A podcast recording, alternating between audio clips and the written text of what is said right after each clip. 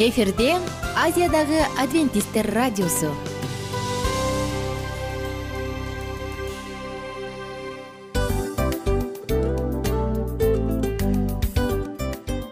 Достор салют. Баардык сүйүктүү угармандарыбызга салам айтабыз. Кутман күнүңүздөр менен. Ден соолук өмүрдүн булагы демекчи саламат саамы программасында баарыңыздарды көргөнүбүзгө абдан кубанычтабыз. Анда алгач амандашып өтөлү арбаңыздар деп. Ден соолугуңуздар кандай элибизде көбүнчө ден соолук кандай дегенде эле жакшы деп жооп беребиз э ооруп турсак дагы жакшы дейбиз. Анан мен муну айтып ойлойт элем бул абдан сонун сөз депчи анткени бул жакшы деген үмүт да э ооба баары жакшы болот баары сонун. Деп үмүттөнүп атып эле өзүбүздү өзүбүз дарылап коебуз. Анысы кандай? Сиздин дагы ден соолугуңуз жакшы беш деген үмүттөбүз чындыгында ден соолук бул өмүрдүн булагы деп бекеринен айтылган эмес деп ойлойм. Кыргыз элинде анткени эгерде ден соолук жок болсо анда адамдын жашоосунда калган баардык керектүү маңыздуу нерселер өзүнүн баалуулугун жоготуп коет. Ошондуктан ден соолук бул эң керектүү нерсе. Ооба туура айтасың кесиптешим. Чынында ден соолугуң жок бир эки үч күн ооруп калсаң эле э кандай болуп калат? Жашоодо көз каранды болуп каласың көп нерсеге жетишпей каласың көп нерсени кыла албай каласың жада калса эшикке дүкөнгө да чыга албай каласың. Туптуура анан ден соолук болсо демек биз биздин бактыбыз тоодой деп койсок болот. Анда достор саламат саамы рубрикабызды баштайлы. Алдыда өзүңүзгө керектүү болгон сонун кеңештерди уга аласыздар. Мына ошондуктан биз менен бирге болуңуздар. Ал эми биз болсо милан жана айнура. Кеттик алга. Алга саламат саама ден соолуктун жарчысы. Саламат саама ден соолуктун ачкычы. Күн сайын сиз үчүн мыкты кеңештер сонун жаңылыктар кызыктуу фактылар. Биздин рубрикада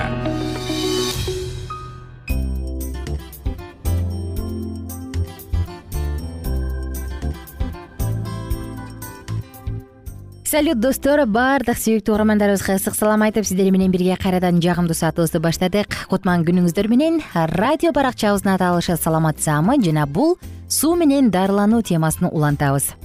Бүгүн бешинчи бөлүм. Тагыраак айтканда дарылануунун бешинчи ыкмасы жөнүндө сөз кылабыз. Мага абдан жагат сизге жагабы жакпайбы билбейм. Бүгүнкү тема орус мончосу деп аталат мончону абдан жакшы көрөм парды абдан жакшы көрөм. Мүмкүн сиз дагы мени мага кошула турган болсоңуз анда бул тема сиз үчүн жакшылап угуңуз. Бул ыкмада достор адам ысык буу толтуруп турган бөлмөдө болгондуктан алынган орус мончосунун таасирине негизделген. Бууланган ысык аба сыртка бууланып чыкпай адамдын денесин абдан жакшы ысытат. Адамдын денеси ыкманы өткөрүү мөөнөтүнүн узактыгына жараша ысый берет ыкманы адам отуруп дагы же жатып өтүүсү төмөндө көрсөтүлгөн. Анда эмесе биз менен бирге болуңуздар. Мунун багыты кандай? Негизги максаты? Дененин жылуулугун көтөрүү үчүн жакшы үшүп калганда э өзгөчө. Зат алмашуу ишин күчөтүү жакшы. Адамды жакшылап тердетүүгө жакшы таасир берет. Жүрөк согуусун күчөтүү үчүн жакшы жардамын тийгизет. Кан басымын көтөрүүгө жардам берет. Теринин сырткы катмарын кан менен жакшы кан болуусуна дагы алып келет. Мына ушундай сонун негизги максаты. Жана кан айлануу түзүлүшүндөгү кандагы ак клеткалардын санын дагы көбөйтөт. Пайдалуу жагын айта турган болсок орус мончосунун кандай пайдалуу жагы бар? Ревматоиддик артритке пайдалуу. Гипертонияга жакшы жардамын берет кан басымын төмөн болушу э бул гипотония то есть. Жугуштуу оорунун же дем алуу ооз мурун тамактын оорусу башталып жатканда дагы жакшы пайдалуу. Суу менен дарылануунун муздак ыкмаларына даярданууда жакшы жардам берет. Абдан көп тер чыгарат тердетет адамды абдан жакшы жайлантып коет. Орус мончосунун кандай терс жагы бар? Кант диабети бар адамдарга зыянын тийгизет. Жүрөк клапандары жакшы иштебесе анда бул зыян тийгизет адамдын денеси ушунчалык чарчап же арык болсо дагы терс таасир этет. Өтүшүп бара жаткан атеросклерозго каршы гипертонияга каршы. Орус мончосуна барыш үчүн же орус мончосун жасаш үчүн эмне керек бизге? Отургучка сүлгүнү төшөп коюңуз буттарды ысытуудагы суунун башкы ысыгы кырк градус цельсийден башталсын. Андан ары жөнөдүк эски бийик жыгач отургуч сизге жакшы жардамын тийгизет. Чайник жана ысык плитка же электр чайнигин колдонсо дагы болот. Синтетикалык жапкыч. Бул жанагы ванна душтарга колдонулган пардалар бар эмеспи атайын? Суу өткөрбөгөн мына дал ушундай. Үч сүлгү. Аларды моюн ийин жана тизе сандарын ысык синтетика партасынан сактоо үчүн колдонулат буттарды ысытуу жана муздак компресс ыкмасын колдонуу дагы баардык керектелүүчү нерселер муз кошулган муздак суу куюлуучу идиш секундаларды көрсөтүп турган кол саат. Же атайын секунда өлчөгүч. Таза суу жана чыны суу ичип туруу үчүн керек болот. Мындай ичүүчү суу муздак болбошу керек. Дарылануу ыкмасына токтолсок адамдын денеси ысып жана тердей баштаганда анын башына муздак компресс коюп коюңуз. Эң эле алгач дарылануу ыкмасында.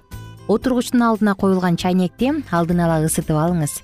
Чайнектин оозу отургучтун арт жагын карабашы керек анда адамдын даалысын күйгүзүп салат. Ысык буу текши таралышы керек. Адамды отургучка отургузуп үстүнө шейшип жабыңыз. Анын буттарын ысык сууга салыңыз башына муздак компресс коюңуз. Компресс бул анын алдын ала жылып алуусуна жардам берет. Анан шейшипти чечип алып салыңыз. Анын моюн ийиндерин жана тизесанын үч сүлгү менен жабыңыз. Анын мойнунан ылдый бүткүл денесин синтетикалык жапкыч менен ороңуз. Синтетикалык жапкыч жерге чейин жетип адамды отургуч менен жана буттары салынган чылапчын менен кошо орошу керек колдон келишинче анын жүрөк согуусун тез тез текшерип туруңуз. Эгерде анын жүрөгү мүнөтүнө жүз жыйырмадан ашык согуп жатса анын жүрөгүнүн аймагына муздак компресс коюңуз. Ыкманы адам жакшылап тердей башташ үчүн ага жылуу суу ичүүсүн сунуштаңыз. Ыкманын узактыгы сергитүүчү таасирге жетиш үчүн алты мүнөт жетиштүү. Ал эми адамдын денесин жакшылап тынчытуу үчүн анда он беш жыйырма мүнөткө чейин созулушу керек. Ыкма аягына чыкканда адамды кургатып жаткырып жана жакшылап жылуу жаап коюңуз. Эң аз дегенде эле отуз мүнөт эс алсын. Орус мончосу. Албетте бул үй шартында жасалуучу ыкма э анткени жанагы синтетикалык пардалар ысыкты өткөрбөйт дагы дене нымшып тердейт эгерде мындай мүмкүнчүлүк жок болсо жөнөкөй эле мончоңуз бар болсо анда парга деп коет эмеспизби буга дагы отуруп эс алып алыңыз. Бала чакта эсимде биз кийин окуп иштеп жүргөндө кыштын кыраан шилдесинде бизде үйдө кургак мончо бар болчу. Анан жумуштан үшүп келгенде атабыз дайыма кургак мончону жагып ушундай бир ысытып койчу. Ал жака түшүп алып жыргап тим эле. Баары бир күндүк чарчаганыңды жумушуңдун оордугун үшүгөнүңдү баарын унутуп сергип калчубуз анысы кандай достор чындыгында? Бул нерсе суу адамды абдан сергитет суу адамды тынчтандырат. Керек болсо психологдор дагы ушундай сонун ыкма берет эмеспи жашооң кыйын сыяктуу сезилип атса жан дүйнөң буук болуп атса аккан суунун маңдайына барып алып отуруп ошонун үнүнөн ырахат алып сууга баардык арманыңды агызып жибер деп. Ким билет мунун канчалык деңгээлде чындыгы бар экендигин бирок суу адамды чындыгында тынчтандырат эртең менен кечинде контрасттык душ ала турган болсоңуз бутуңузду бууга ысык сууга сала турган болсоңуз айтор баардык ушул ыкмаларды колдоно турган болсоңуз анда сиз бул нерсенин сырын билесиз. Бүгүн сиздер менен бирге бүгүнкү темабыз орус мончосу болду. Колдонуңуз өзүңүздүн ден соолугуңузга кам көрүңүз. Колдон келишинче ооруп калбаганга аракет кылыңыз. Баардык ооруну алдын алыңыз. Ооруп калганга караганда ооруганга чейин баардыгын алдын алган жакшы эмеспи коштошом сиздер менен достор. Кийинки уктурууда дагы амандашабыз жана кийинки уктурууда дагы маанилүү темаларды бирге улантабыз. Бар болуңуздар бай болуңуздар күнүңүздөр көңүлдүү улансын.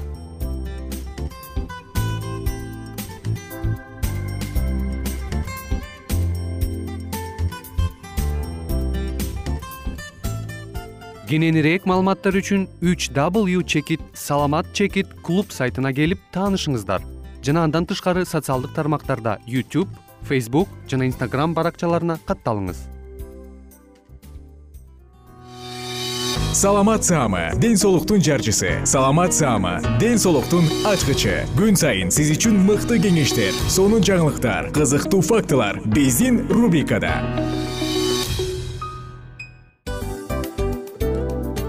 Салам достор. Кайрадан биздин сүйүктүү рубрикабызга кош келиңиздер деп айтмакчыбыз баардык замандаштарыбызга арбаңыздар деп саламыбызды айтабыз. Улуу ушундай бир э, урматтаган учурашуу менен анан дил маек радио баракчабызга чакырабыз. Негизи дил маек биздин рубрикабызда эмне жөнүндө кеп кылабыз бул дил маектин мааниси эмнеде рубрикабыз менен кичине тааныштырып кетсеңиз. Сөзсүз түрдө тааныштыра кетейин кесиптешим суранычы боюнча бул учурда бул радио баракчада биз ар тарап кесип ээлеринен сонун кеңештерди алабыз сүйлөшөбүз сырдашабыз аталарыбыздын эжелерибиздин апаларыбыздын кеңештерин угабыз. Айтор жан дүйнөгө адамдын э, сапатына адамдын деги эле адам болуп жашашына керектүү баардык кеңештер алдыда негизи э, дил маек дегенде баягы эки адамдын ортосундагы сырдашуу кенен сүйлөшүү. Негизи эле биз адамдар бири бирибиз менен бир жерге жай жерге отуруп алып өзүнчө тынч э, жашоо жөнүндө өмүрүбүздө эмне болуп атканын бөлүшкөнү жакшы көрөбүз э адамдар. Ооба туура айтасың анан мындай учурга кээде убакыт да жетпей келет э. Же болбосо сырыңды кайгыңды муңуңду кубанычыңды айткың келет а адамга ишенбешиң мүмкүн. Ооба. А бул радио баракча угармандарыбыздын чыныгы досу. Анткени бизден алган кеңеш сиздин жашооңузга чоң жардам берет. Ал эми сиздин бизге айта турган сөзүңүз ортодо гана сыр бойдон калат. Ошондуктан биздин дил маек рубрикабызга дагы бир жолу кош келиңиздер. Жана биз даярдаган маалыматтарга даяр болуңуздар.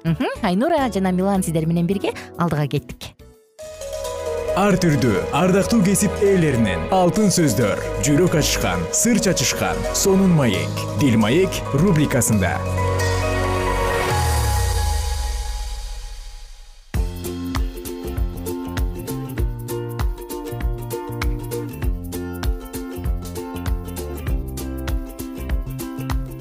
саламатсыздарбы? Биздин досторубуз баарыңыздарга ысык салам айтып кайрадан дил маек радио баракчасында баарлашуу тууралуу кызыктуу эң сонун темабызды улантуудабыз. Мына ошондуктан биз менен бирге болуңуздар. Бүгүнкү ушул теманы сонун кылып ачып берип аткан биздин конок эжекебиз татынакай тыпырайган эжекебиз бактыгүл маңыбаева үй бүлөлүк кеңешчи жана коуч тренер. Мен анан айтат элем жөн гана бул теориялык түрдө эмес э практика түрүндө дагы машыктып иштешип келаткан тажрыйбасы чоң эжекебиз. Биз сиз менен мурунку уктурууларыбызда ушул баарлашуунун тепкичтери этаждарына көтөрүлүп отуруп бешинчи этажга келгенбиз бул ачык сүйлөшүү жөнүндө. Ушул тууралуу улантсак абдан жакшы болот. Урматтуу угуучулар мен ишенем силер ушул кабаттарды ойлонуштуруп караштырып көрүп атасыңар ким кайсы кабатта жүрөт. Мен билбейм башкаларды бирок өзүм мен аябай мага аябай пайдасы тийип атат да. Анан өзүмдүн кайсы кабаттан кайсы кабатка чыга албай атканымды дагы билип калдым. Ооба абдан жакшы. Өткөндө айткандай аракет кылса берекет дегендей айнура аракет кыла бер э ушул ачык сүйлөшүүдөчү бактыгүл эжеке мен сизден сурагым келип турат да. Өзү эле ачыла албаган адамдар бар эмеспи э? Мисалы кыйын да. Ооба. Алардын жан дүйнөсүнө кирип баарын бир сыйра карап көрүп келгиң келет. Жөнөкөй эле мисалы бул адамга жагабы же жакпайбы мисалы жөнөкөй эле жолдошуң жумуштан келсе сен аны барып кандай деп бетинен кучактап бетинен өөп кучактап тосуп аласың анда реакция жок да жакшы деп коет. Демек менин бул кылганым ага жагабы же жакпайбы түшүнбөйсүң анан сен өзүң мындай ыңгайсыз абалда калып каласың го э? Же эми бир үйдө чоңойгондор менен го оңой. Ачык айтып сүйлөшүп аласың. Же биздин үй бүлөбүздө баарыбыз ачыкпызбы биз оңой түшүнөбүз бир нерсени кайын журтка барганда башка жака барганда сенин бул кылганыңды алар кандай кабыл алат? Э, сенин бул нерсең жагып атабы жакпай атабы түшүнө албайсың го. Ооба. Мындай учурда кантип адамды ачыш керек? Өзү эле түнт адамды кантип ачышса ачыш керек? Же эмне себептен адам ачылбайт да? Мага ушул кызык. ооба ооба дагы эле биз төрөлгөндө ар кандай эмоциялар менен төрөлөбүз травмаларды алабыз. Анан дагы эле баягы чөйрө э кайсы үй бүлөдө чоңойгон кызбы балабы сен айткандай сенин үй бүлөңдө баары ачык айкын эркин сүйлөй аласыңар биздин үй бүлөдө да ошондой. Анан көп баардык жерде эле мындай боло бербейт да. Кээ бир жерлерде жанагындай мындай ограничение чектер бар. Чектер бар. Тигини кылса болбойт муну кылса болбойт кыска кырк үйдөн тыюу анан дагы эмне дегендер бар э? Ошондой өсүп чоңойгон бала же кыз ошол бойдон калып калат калыптаныпчы калыптангандан кийин ал адамга чын эле кыйын. Ошон үчүн чөйрө сен айткандай келин болуп бардың тиякты көрдүң. Баягы үйдөгүдөй эле жасагың келет баарын ар жагын ар жака тарса турс күлүп жайнап э аякта келин жана мен кызым айткандай аякта башка болуп калышы мүмкүн аякты көрүш керек билиш керек деп анан э, мен улуу кызым турмушка чыкканда ошол түбү көлдүктөрү аларга дайым жүгүнүш керек. Анан кызыктуусу тиги телефондон алар новосибирскте жүргөндө ватсаптан сүйлөшкөндө дагы жолук салып анан жүгүнүш керек дегенде мага мындай аябай таң калыштуу ой мындай жакын турганда мейли эми мындай урмат э жолук салып бул бир чети бата э жүгүнгөндө батаны берет го чоң улуу кишилер э баталуу бол там ден соолук болсун дагы эмне деген баталар. Бир чети бул жакшы анан тиги алыс жактан телефондон дегенде ой бул кандай кызык нерсе деп. Анан ошондой нерсени мен баарын билип жүрүп мен үчүн бул мындай шоковое состояние деп коет го ошондой абалда болдум да. Анан баарына мындай ии дегенге көнүшүбүз керек экен да эмне үчүн? Жанагындай үй бүлөдө чоңойгон эркек болсо ооба ал түнт аны менен эч ким эсептешпейт кабыл албайт. Анан ошо бойдон чоңойду жыйырмага чыкты жыйырма бешке чыкты үйлөндү жыйырма беш жылдык тажрыйба дагы эле кала берет да. Же балким атасы чоңойгон балдар бар э же кыздар бар. Же энеси чоңойгондор бар толук эмес үй бүлөдө. Ошонун баары таасир тийгизет. Балким атасы жок чоңойгон кыз эркек жөнүндө балким кандай анын көз карашы бар буга ишенгенге болбойт менин атам тыштап кеткен. А бул да балким мени ушинтет. Бул мени минтип атат го деп э? Же үйдө апасы башкарган э? Үй бүлөлөр бар э? Апасы башкарган үй бүлөдө чоңойгон бала эмнеде аялдын баары ушундай айтканын айткандай кылыш керек окуй деп муну менен талашпай эле коеюн деп. Сеники туура сеники туура дегенге киришет да. Ошон үчүн биз мындай калыптанганга көп нерсе таасир тийгизет да.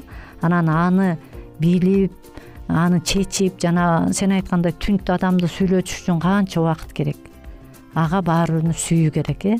Эгер ошо түнт адам сени сүйгөнүңдү билсе ичинде чын жүрөгүңнөн ошону билгиси келип атканын ага жардам бергиси келип атканын билсе анан четинен ачылып баштайт. Анан жанагындай бирдеме сатып алганга минте кылайын же бир жака барыш үчүн минте кылайын десе адам сезет да. Ошон үчүн ол ого бетер жабылат көп нерсени айтып а бул дагы мени колдонгусу келип атат деген ой болот анан эгер адам сүйсө чын дили менен жардам бергиси келип атса анда ачылат да. Ошон үчүн биз мындай шартсыз сүйгөнгө аракет кылалы да бирдеме алыш үчүн эмес. Же дагы адам шартсыз сүйө албайт го баары бир э? Ооба туура айтасың бул шартсыз сүйүү. Кыйын бир гана баягы кудайда адамдарга болгон сүйүүсү эле шартсыз болбосо биз кандай болсоң да мен сени сүйөм дегенчи. Бизде биз адам болгондуктан баары бир бизде алгандын бергени бар деген бар го баары по расчету деп калбайсың э. Бирок аракет кылсак болот элнур э. Ошо кудайдан болгон бизде дагы э, салынган нерсе бар да э. Каалоолор сүйүү бар. Эгер э, жолдошуң менен ушунча жыл жашасаң сүйсөң балдарың бар болсо э.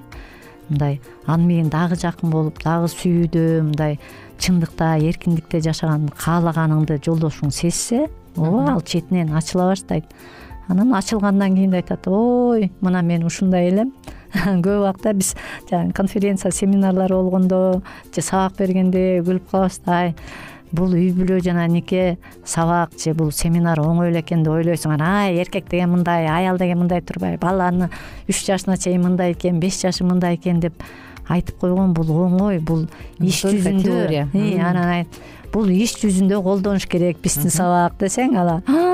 Ошонусу кыйын экен иш жүзүндө колдонгон дейт да. Жакшы. Достор сиздер менен коштошобуз. Жана кийинки уктурууда улантабыз.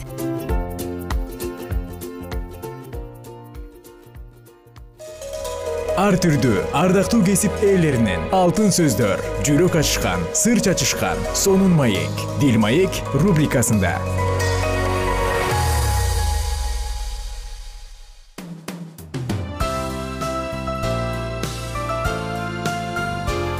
эфирде азиядагы адвентисттер радиосу.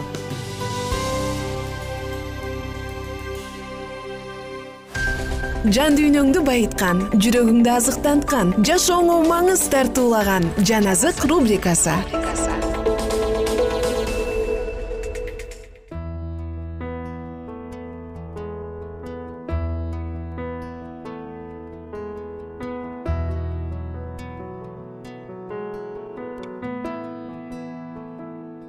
салам достор баардык угармандарыбызга ысык салам айтып жан азык радио баракчасын баштадык. Тип жана анын шам чырагы деп аталган сонун аңгемени улантабыз. Том мин турунду баардык балдар жакшы көрүшчү. Ошондуктан алардын паркына тип келгенде шыбыр күбүр боло түшкөн балдар том аны жылуу кабыл алганын көрүшүп баары тең ага жакшы мамиле кылып жатышты. Том өзү болсо типке чын көңүлүнөн көңүл буруп жатты ал муну атасынан үйрөнгөн. Атасы бир нерсе кыла турган болсо ага бүт дитин коюп чын көңүлүнөн кылчу. Балдар аябай жыргап ойноп жатышты. Алар чана тээп кардан үй жасашты. Тип шайыр жандуу бала болгондуктан баардык оюндарга катышып жатты. Акыры күн батып парктын ичи суук боло баштады. Балдардын колу буту тоңуп кеткендиктен том досторун үйгө чакырды. Баардыгы үйдү көздөй жөнөштү. Том бир маалда дөбөгө чанасын калтырып койгонун айтып силер бара бергиле мен силерди кууп жетем деди алды жакта бара жаткан фред гольбрук каптал жактан чыккан эшикти көздөй бара жатып артынан томдун аяк эмес чоң эшик эле баргыла бул эшикте кар тосуп калган деп кыйкырганын укту балдар макул боло ал айткан эшикти көздөй кетишти. Бир нече мүнөттөн кийин алар үшүгөн колу буттарын жылыта дуулдап күйгөн каминдин жанында отурушту. От сонун күйүп жатат деп кыйкырып жиберди билли брей. Муз болуп калган окшойм. Жанагы кичинекей эшик менен кирсең сен даана муз болмоксуң. Аякта толтура кар бар экен деди фред күлүп. Мен кичинекей эшик менен кирейин дегенде библиядагы тарбада дарбаза менен киргиле деген аятты эстеп кеттим. Жекшембилик мектептен өткөндөрдү иш жүзүнө ашыруу деген ушул ушундай турбайбы бирок деди вилли азыр кең жол туурараак болду окшойт сен ыйык жазуунун аятын жакшы жаттаган көрүнөсүң деди том аны мыскылдай. Том сен өткөн жекшембидеги атамдын тар дарбаза жөнүндөгү насаат сөзүн жакшыраак уксаң болмок экен деди фред тамашасын токтоткусу келбей. Ушул учурда толкундангандан бети албырып кеткен тип ары жакта жалгыз турду. Өткөн жекшембидеги сабак анын эсинде эле. Ал гольбрук мырзанын жаш кезиңерден тар жолго түшкүлө деген салтанаттуу чакырыгын да унута элек болчу. Ага досторунун тамаша сөздөрү жаккан жок. Бир аз тыным болуп калганда тип кенен дем алды да кечкиндүү түрдө мен силерге бир нерсе айтайын дедим эле деди. Ошондой де кана кана угалычы деди вилли. Ал типти басымта мамиле кылчу жана мунусун эч жашырчу эмес. Бирок фред типке жайдайыр карап сен бизге эмне айтайын дедиң эле тип деп сурап калды. Мен библиядагы сөздөрдү шылдыңдабашыбыз керек деп эле айтайын дегем. Фред кызарып кетти мен библиянын сөздөрүн шылдыңдайын деп ойлогон да эмесмин. Сен көп калп айтпачы. Ушинтип айтууга кантип оозуң барды тип силер библиядагы аятты азыр эле айтып тамашалап жатпадыңар беле деди тип бир аз тайсалдай бирок олуттуу боло. Болдугулачы деп фред досуна болуша кетти.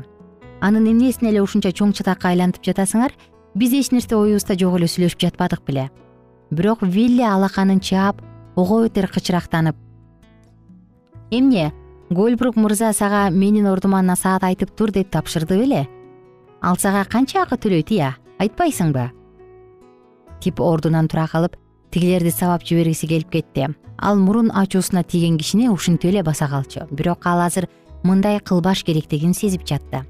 Анткени библия үчүн ушундайча күрөшүштүн кереги жок. Ал муштумун түйө эрдин тиштегилеп жатты. Анын ичиндеги эски тип азыр эле тигиге секирип аны сабагысы келип кетти. Бирок жаңы тип ага таптакыр башка нерсени үйрөткөн чырак библиянын сөздөрүн эскертип турду. Фред ийнин күйшөп мыскылдай күлүп мындай деди. Өздөрүн ыйык эсептеген кээ бир адамдар бар чынында мен алардын катарына кирбейм. Бирок менин оюмча мен андай деле коркунучтуу эч нерсе айткан жокмун мен дагы ошентип ойлойм деди вилли да аны коштой. Бирок сен билесиң да биздин тип деген ыйык ал кээде гана сөгүнүп калп айтып койгону болбосо эч качан жаман ишке барбайт. Муну укканда калыстыктан тайбаган фред ага кошула алган жок. Жок вилли сен типтин көптөн бери эч ким менен урушпай жаман сөз да сүйлөбөй калганын менден жакшы билесиң. Кечки тамакка чакырган коңгуроо кагылганда том сүйүнүп кетти. Ал жолдошторунун талашын кантип токтотушту билбей айласы кетип турган. Балдар жүргүлө ашканага курсагыңар ачса керек э анан ал досторунун коштоосунда тепкич менен ылдый түшө баштады. Типтин оозу ачылып эле калды. Ал ушундай жапжарык болгон ашкананы жана ушундай укмуш жасалган дасторконду өмүрүндө биринчи жолу көрүп жаткан эле. Мин турун айым ар бир бала менен кол алышып учурашып чыкты. Том мен бара берейин. Силер уялбай кенен кесир тамак ичкиле деди апасы апа биз менен эле отурчу кетпей эле койчу деди тим жалооруй ал апасына сүйлөп жатканда анын көздөрү жайнап кетти. Тип томдун апасына кылган мамилесине таң кала көз салып турду. Ал мындай сезим өзүнө чоочун экенин тойду. Бул минтур айымдын баласына көрсөткөн мээрим эле. Ал уулун эркелете башынан сылаган сылагандачы. Тип өзүнүн эмнеден кур биринчи жолу азыр түшүндү баары тең тамак ашка толгон дасторкондон орун алышты. Балдардын ортосунда болгон талаш тартышты баардыгы унутуп калышкан. Кечки тамактан кийин көңүлдүү оюндар оюн күлкү улана берди. Бир маалда баары тымтырс боло калышты. Томдун атасы бөлмөгө кирип жылмая балдардын жанына басып келди. Силердин ызылдаганыңардан дубал урап түшүп калбай кармалып турганына таң калам. Эмнеге анча бооруңар эзилип күлүп жатасыңар ата фред бизге бир күлкүлүү окуяны айтып берип жаткан. Айта бер фред атам дагы уксун том кытылдаган бойдон атасынын жанына барды. Ал бизге джон барнес жөнүндө айтып берип жаткан. Сен муну элестете албайт болушуң керек. Мен мындайды уккан эмесмин. Ал атасынын ар бир сөзүн бурмалап атасы ага эмне деп айтпасын джон аны шылыңдай берет экен. Минтур мырзанын жүзү олуттуу тарта түштү. Чынын айтсам балам мен сага ушундай сөздөр жагат деп эч ойлогон эмесмин кызыктуу окуяны кийинки уктурууда улантабыз достор. Ага чейин жалпыңыздар менен убактылуу гана коштошобуз. Күнүңүздөр көңүлдүү улансын бар болуңуздар бай болуңуздар. Кийинки уктуруубузда дал ушул окуяны андан ары бирге улантабыз. Кечиңиздер көңүлдүү маанайда улансын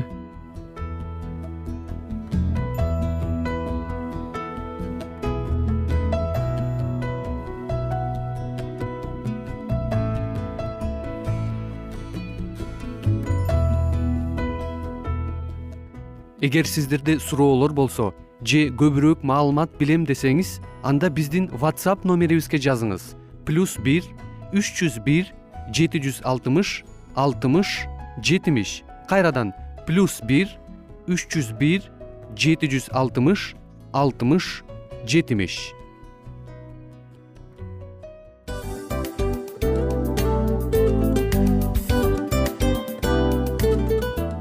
достор биздин радио баракчаларыбыз соңуна келди. Демек бул программабызды дагы жыйынтыктачу учур келдик. Учурга келдик. Анан кесиптешимден сурагым келип турат. Негизи эле иштин башталып атканы кубандырабы сени же жыйынтыгы кубандырабы? Албетте жыйынтыгы. Себеп дегенде сен кылган ишиңдин жыйынтыгын көрүп э, баягы мөмөсүн көрүп дегендей жыргайсың жүрөгүң жемишинен тартып э кандай даамдуу деп. Баягы буудай сепкенде эмес буудай эгинди жыйнагандан кийин ысык нанды жегенде кадимкидей ырахаттанасың го ой айтпа туура айта кеттиңиз. Сонун салыштыруу болду анан мен дагы абдан кубанып турам. Анткени биз угармандарыбыз үчүн аябай эмгектенип келген уктуруубуздун соңуна келип калдык. Анан эми уктуруубуздун соңунда угармандар кандай пайда алып калды экен деп күтүп турам да. Балким э, менин жашоомо өзгөрүү киргизе турган сонун сөздөр болду мен ушул нерсени изилдеп анан кабыл албасам ушул нерсени кылбасам деген чечим чыгарсаңыз анда биз абдан кубанычтабыз. Сөзсүз түрдө. Андыктан кийинки биздин кызыктуу уктурууларыбыздан көрүшкөнчө сак саламатта калыңыздар. Чыдамсыздык менен сиздерди мен милан жана кесиптешим айнура күтөбүз. Баардык угармандарыбызга ийгиликтүү күн каалайбыз. Качан гана болбосун урдуңуздан жылмаюу кетпесин үйүңүздө көмүр жүрөгүңүздө көңүл болсун дейли